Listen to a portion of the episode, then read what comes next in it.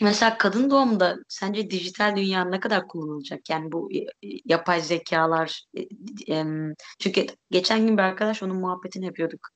E, tıpta ne kadar e, robotik ve yapay zeka kullanılabilirle ilgili. Yani bazı alanlarda ameliyatlarda kullanılabiliyor, tanılarda kullanılabiliyor. Sen mesela gelecekte çalışırken e, dijital sistemlerin ne kadar kendi hayatına yardımcı olması, nerelerde yardımcı olması istedin? Geleceğin hekimliği diyorum ben ona. Yani o gelecekte öyle olacak. Ee, şeyler vardır ya böyle hmm, eski hekimler diyeyim. Ama ben bilgisayar bilmiyorum yapamam falan filan. Yani gelecekte öyle bir şey mümkün olmayacak. Bizde hala daha var hibrit bir e, yapıdayız. Eski kadın doğumcular ben pek laparoskopi yapmıyorum canım şeklinde. Pek laparoskopi bilmiyorum yani ya da işte şey yapmadım.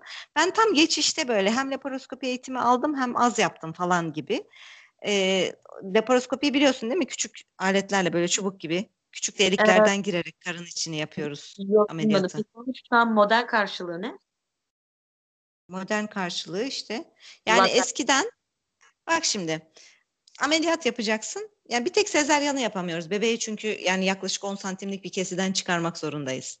Fakat evet. eskiden bütün ameliyatlar o 10 santimlik kesi yapılarak yapılıyor. Karnı 10 santim açıyorsun, karnı açıyorsun. Ondan sonra içindeki ameliyatını neyse yapıyorsun. Sonra da dikiyorsun. Hı-hı. Fakat şimdi göbek deliğinden bir santimlik göbek deliğinin içinde kalacak şekilde bir santimlik kesiyle çubuk sokarak torakarlarda o küçük e, ucunda küçük makaslar var böyle uzaktan şey yaparak yani o çubuklarla laparoskopi dediğimiz yöntemle ameliyatını yapıyoruz artık pek çok şeyi. Kapalı evet. ameliyat dediğimiz şey. Ve bunun hatta robotik yapıyoruz. Yani cerrah bu odada, hasta o odada, robot var hastaya, robot takılmış. Cerrah buradan simülasyonla robotu yönetiyor, robot da ameliyatı yapıyor şeklinde. Yani Hı-hı. gelecek burada. Gelecek e, yani ben mesela hani şu anda hastanenin üç tane servisini birden takip ediyorum. Hani Hı-hı. ama e, şey internet var. Yani mesela orada hemşire var, asistan var. Mesela hastanın EST'sinin resmini çekiyor bana gönderiyor. Hastanın bilmem neyinin bir şeyini çekiyor bana gönderiyor. Ben klinik muayenenin, klinik hissin önüne geçemeyecek şeyler var ama pek çok konuda e, şeyden acayip yardım alıyoruz yani dijital dünyadan. E, tıbbi görüntüleme kıyamet gibi gelişti. Yani kadın doğum gene en geride kalan bu gelişimlerden en az e, fayda gören grup kadın doğum.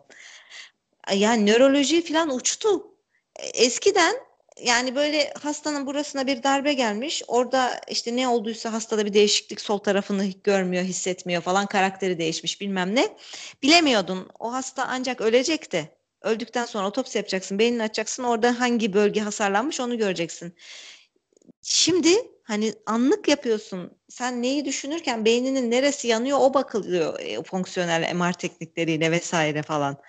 Yani e, nöroloji, beyin sinir bilim, e, dijital görüntüleme, işte tıbbi görüntülemeler, radyoloji, çığır aç çığır açı artık yetişemiyorum yani. Şimdi artık şu yöntemle yapılıyormuş biliyor musun kalp görüntüleme falan diyorlar. Ben de böyle dinliyorum aa diye. Şimdi Covid çıktı. Covid koronavirüs yani tıp fakültesinden hatırlıyorum. Tıp fakültesinde ben koronavirüsü öğrendiğimde 1999'du. Bak 1999'da ben koronavirüsleri öğrendim. Koronavirüslerin o zaman şey insanda enfeksiyon yapmayan bir virüs olarak öğrendim. İnsanda hiç Hı. enfeksiyonu yoktu. Fakat e, bunun mutasyon geçirebileceğini, insanda da enfeksiyon yapabileceğini o zaman mikrobiyoloji hocası bize anlatmıştı.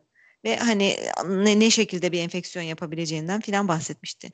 Mezun olduktan sonra ben 2004'te mezun oldum. 2006'ydı herhalde. SARS çıktı. Amanın bu bir koronavirüsmüş, mutasyon geçirmiş falan. Sonra MERS çıktı falan. Öleceğiz zannettik filan. Daha yani aralıklar kısalarak bu pandemi çıktı, Covid çıktı. Yani bu daha da kısa bir aralıkta. Önümüzdeki dört yıl içinde bekliyorum. Yeni bir koronavirüs gene çıkacak mutasyonlu filan. Yani olabilir. Yapıyor bunu virüsler şeyler. Ama ilk çıktığında Covid geçen sene işte 2019'un Aralık ayında bir daha bir okudum şöyle bir bilgilerimi. Ama neler neler keşfedilmiş yani. Bir, bir, şöyle bir yeniledim kendimi göya o zamanlar tabii iyimserdim. Hani bilimi yakalayabilirim öğrenebilirim. Adı işte spike antikoru bilmem ne falan filan okuyorum deli gibi. Hastaya o yapılır bu yapılır filan. Bir de hepimiz covid'de çalıştık yani. Ne yapacağımızı öğrenmemiz lazım filan gibi böyle. Sonra baktım ben bütün gün sabahtan akşama kadar Covid ile ilgili makale okuyorum. Bıraktım artık. Günde 20 tane falan paper çıkıyor.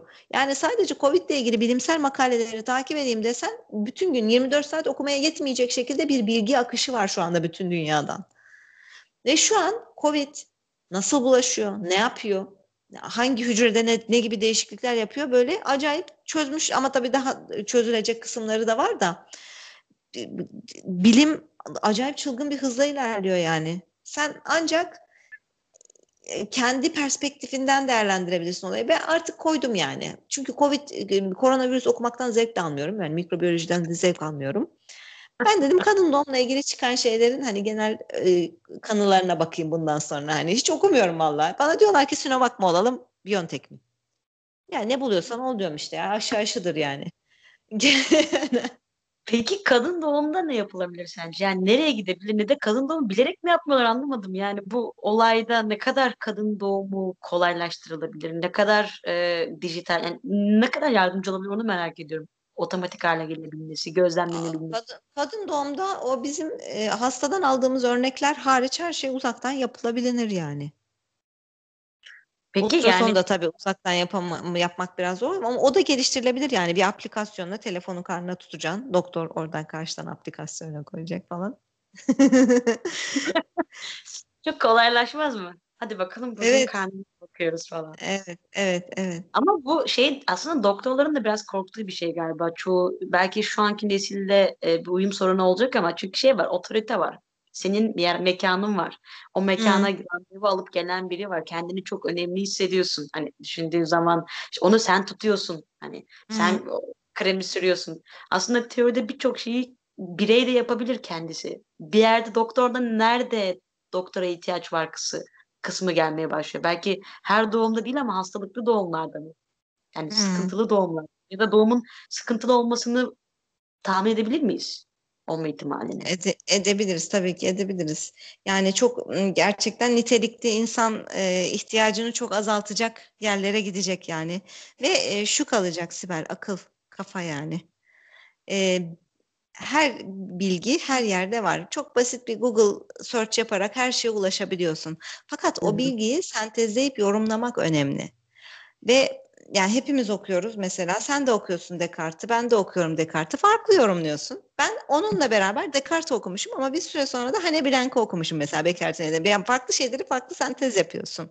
O wisdom diyorlar ya hani hep internette dolaşan güzel görüntüler var işte bilgi, data işte onları birleştirmiş filan.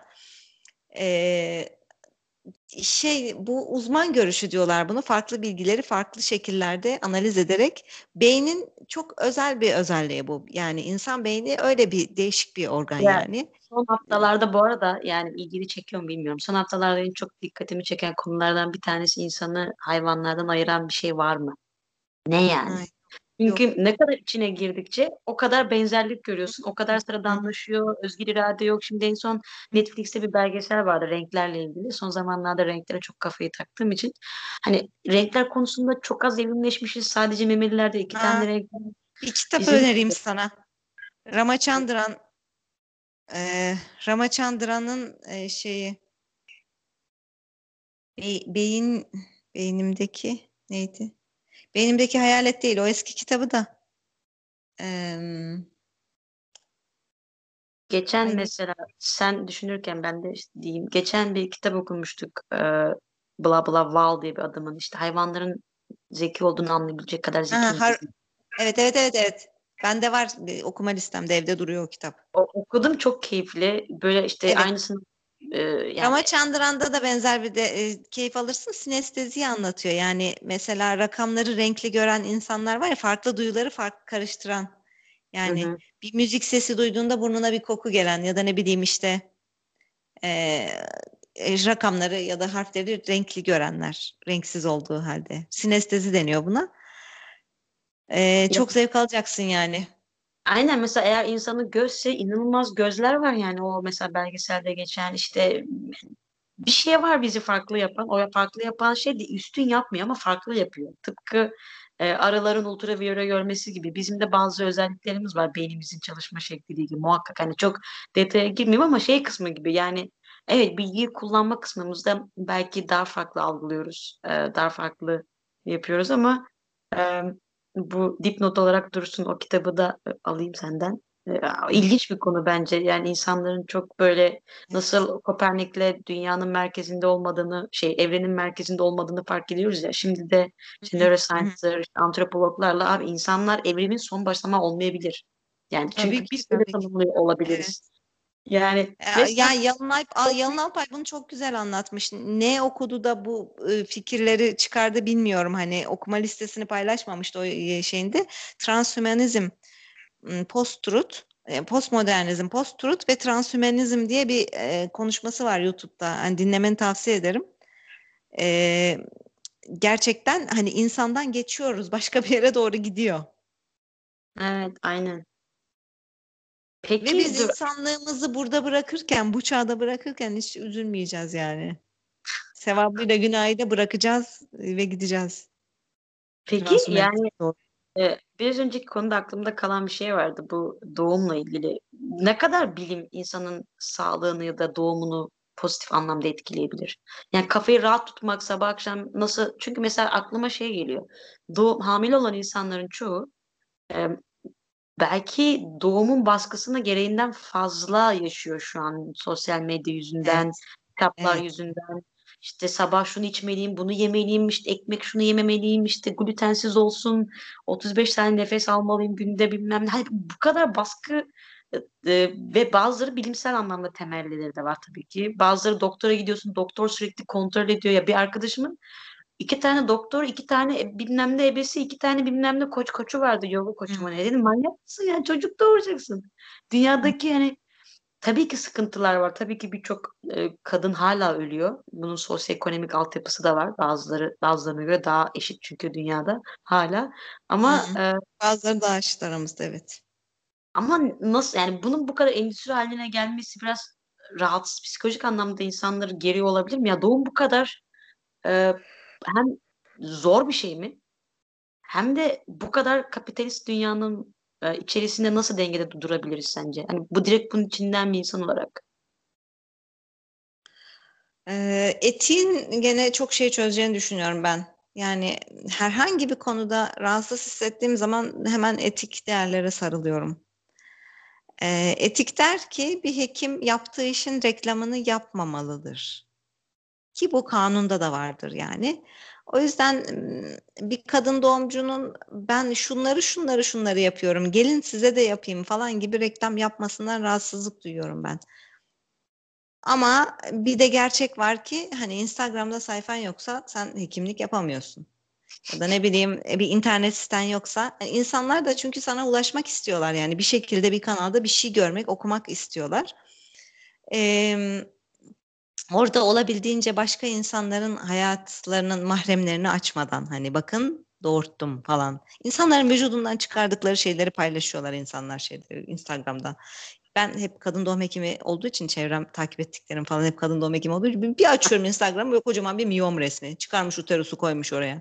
İnsanların vücudundan çıkardıklarımızı pek hani paylaşmazsak etik sınırlarda kalmaya gayret göstererek geçebiliriz bunun içinden diye düşünüyorum ama bunun romantik bir hayal olduğunun da farkındayım. Yani gerçek hiç öyle değil. Evet. Yani bu Şey post çağında yani Instagram hekimliği yapacak yani pek çok insan. inanılmaz yani mesela şu an özellikle bu 30-40 yaş arasındaki kadınların da en büyük sıkıntısı yok yumurta donduralım yok işte Hı. e, Dondurun ama. oradan Donduralım. niçin donduralım? Yani 35'ten sonra bana çocuk yapmak istiyorum diye gelirsen yok çünkü. Çocuk yapmak çünkü ama şu oluyor çocuk yapmak Taze bitti. çocuk yapmak isteyen insanlardan ziyade sanki sürekli insan psikolojisinde çocuk yapma hep yani seneler geçtikçe artacakmış gibi bir ön e, varsayıma dayandığı için bu sanki işte 39 yaşında acayip yapmak isteyeceksin ama yapamayacaksın varsayımına dayandığı için birazcık belki orası sıkıntılı olabilir. Çocuk ben 30 yaş üstünde yaptığım için e, çocuklara çok pişmanım. Yani ne kadar genç yapılırsa o kadar iyi. Gençlikte yapılıyormuş o işler. Yaş ilerledikçe zor oluyor. Hem gebelik zor oluyor, gebe kalmak zor oluyor, gebeliğin kendisi de zor oluyor. Ee, sonra da sen hani 40 yaşında, 30 yaşında ot- oturmuş bir karakterinle 5 yaşında, 3 yaşında bir çocukla şey yapmak da zor oluyor. Gebeliğin senkronizasyonu. kendisinin zor olmasının sebebi ne? Vücudun artık e, daha esnek olmaması Tabii mı? tabii. Evet, evet, evet. Adaptasyon zor oluyor. Yani psikolojik Devlet açıdan. sisteminden hem psiko hem psikolojik hem fizyolojik açıdan zor oluyor yani. Ama bu işler kısmet işleri. Hayır, hayırlısıysa. Hayırlısı. Hayırlısı. Evet. En son nihayetinde oraya geldim. Aklıma gelen başka bir soru da mesela doğa sence kadını doğurduğu zaman e, ne kadar ödüllendiriyor? Yani doğumdan sonra ile doğumdan önceki kadının bedeni ne değişiyor? Ödüllendiriyor mu? Yani sen ürediğin için sana ekstra bir e, e, pozitif Yok. anlamda bedene bir şey yapıyor mu? Yoksa bu Yok, biraz yok. yine mitlerden bir tanesi mi? İşte E doğduktan ki sonra yani her doğumla yenileniyorum falan onlar mit. Fakat şu var 9 ay boyunca gebe olduğun için bir kere adet döngüsü yaşamıyorsun ve adet döngüsüne dair salınımlar o aşırı hormon maruziyeti falan olmuyor. Dolayısıyla o hormon bağımlı kanserler biraz daha az görülüyor gebelik geçirmiş kadınlarda hani e, birkaç gebeliği olmuş kadınlarda meme kanseri işte rahim kanseri falan daha az görülüyor. Ee, şey e, doğum sayısı menopoz yaşını falan değiştirmez kesinlikle öyle şeyler yok onlar mit. Vücudundaki yapı taşlarını tükettiği bir gerçek yani her doğum bir diş kaybı demekmiş ya gerçekten vücudundaki yapı taşları tükeniyor yani. Ee, ödül bir gerçek ama ödül aldığın bir gerçek yani nükleus accumbens'inde ödül merkezinde beynindeki e, çocuk sahibi olduğun zaman acayip bir e, dopamin deşarjı oluyor yani soyunu devam ettirdin. okey vücutta vücudun bir ödülü yok ama beyinde sürekli acayip süper bir şey yaptım düşüncesi sürekli pompa. Evet, evet, evet, evet. Acayip kafa yapıyor. Ben buna doğum kafası diyorum. Doğum yaptık. Doğum yaptıktan sonra fark ettim. Eşim söyledi bana daha doğrusu. Sende de oldu mu dedi. İlk çocuğumuz oldu ve biz çok hani istiyorduk. 5-6 yıldan sonra oldu çocuğumuz. Ee, sende de oldu mu dedi. Ya kafam çok güzel benim ya dedi. Kafam iyi dedi ya. Zaten herhalde öyle bir duygu da olmasa pek çok insan bu Evet. içerisine girmez. Yani gerçekten o e, çocuk tedavileri sırasında işte sezaryanda vesaire bir işlemler yapılırken aldığım bir takım narkotik analjezikler var. Başka bir zaman narkotik kullanmadım ama sadece o anestezi işlemleri sırasında narkotik aldım. E, gerçekten doğumun kafası en güzel kafa. Hani hiçbir narkotikle falan kıyaslanmayacak bir kafa yapıyor. Doğumu kendisi diyorsun yani. Doğumun Sezaryen kendisi, çocuk sahibi olmak yani. Ha, genel olarak. Bebeğin orada beşikte yeni işte yeni bebek kokusu falan derler ya işte o hep o kafa. Çok acayip değil mi ya? Kokan İnsan- bir şey yok yani orada. kafa. Kafa gidik oluyor. Peki ne kadar devam ediyor bu? Bir, bir hafta falan götürüyor yani. Bir hafta. Ha, bir hafta Şimdi, şimdi 9 ay hamile kalınmaz ya. Yok değmez evet kesinlikle. Yani Bir başka hafta sonra çocuğun uyku uyku şeyi olmaya başlıyor. Yani ilk bir hafta anne karnında zannediyor çocuk kendini. Pek zaten ilk hafta kolik olmaz. Hani duyarsın etrafındakilerden. Bir haftanın sonunda 7-10 gün olduktan sonra bebekte kolik başlar. Yani kolik dediğin şey gece uyanır ağlar. Heh, en sevdiğimiz. İlk bir hafta bebek kendini annenin karnında zannediyor da uyuyor yani. Hani henüz Evet. gelişimini biraz daha tamamladıktan sonra ağlamaya başlıyor. O bir haftadan sonra uykusuz kalmaya başladığında gece zombi gibi dolaşmaya başladığında fark ediyorsun ki o Bir şey kafa madde kafasıymış yani. Maddeyi kafa- bırakmak istiyorsun ama Hani bırakamıyorsun. Hani bazı maddeleri kullandıktan sonra ertesi bir seni çok uçurur ama sonra bir anda dibe çöker gibi. O bir hafta geçtikten sonra. Peki. Ee, bakayım başka doğum aklıma. yapacak olan e, aday kadınlara söylemiyoruz böyle şey. Bu sır aramızda. Bunu söylemiyoruz. Peki, yani doğurmazlar. Herkes doğursun. Herkes Peki. cezası bulsun. Yaşayarak öğrenin diyorsun. Kesinlikle.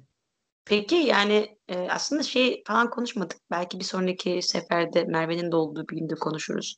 Böyle işte e, kadında kısırlık, e, polikistik over, işte vücuttaki o kanser süreçleri hani aşağıdaki sorunlardan belki e, Kadın biraz hastalıklarına girelim diyorsun.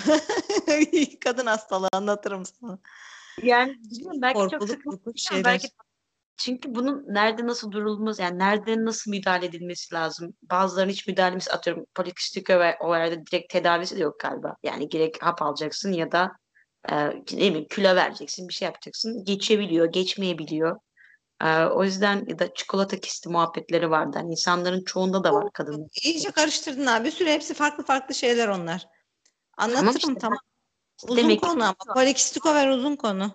İnsanlar bunu Kadın bilsin. hastalıkları. Tamam Nisa'ya girelim. Nisa'ya sonra. Tamam belki şeyden polikistikten başlarız. Sonra işte en çok en çok hangileri görülüyor? Belki e, Ya yaşa göre değişiyor en çok gördüğümüz hastalıklar kadınlarda. Ergenlik dönemi işte 15-25 yaş arası polikistik over gerçekten. Polikistik over ve endometriozis. Böyle Hı hı. yaş dönemine göre gidelim istersen. 15-25 yaş arasında en sık görülen hastalıklar diye polikistik over ve endometriozis anlatayım bir seferinde. Ondan olur. sonra 25-35 arası miyom, kanama düzensizlikleri onu bir anlatayım. Hı hı. Olur. Anlaştık. Tamam. Hadi ben de seni çok tutmayayım. Güzelce dinlen. Şimdi karşımda hı. görüyorum. Evet. Kahve falan Çok güzel dinleneceğiz. Kahve falan. Acilden bir hasta söylediler ona bakayım. Hadi git bir hastayla takıl. Aa. Ee, çok teşekkür ederim. Muhabbet için çok keyifliydi. Ben Tekrar her teşekkür zamanki ederim. gibi. Sağ ol özlemişim. Evet. Aynen ben de özledim. Sıkıldıkça haber ver. Laflarız. o zaman bir sonraki polikistikte ve diğer hastalıklarda görüşmek üzere. Çok Tamam. eğlenceli kapanış olmadı mı? evet. Hadi iyi nöbetler. Sağlıklı günler. Bay bay.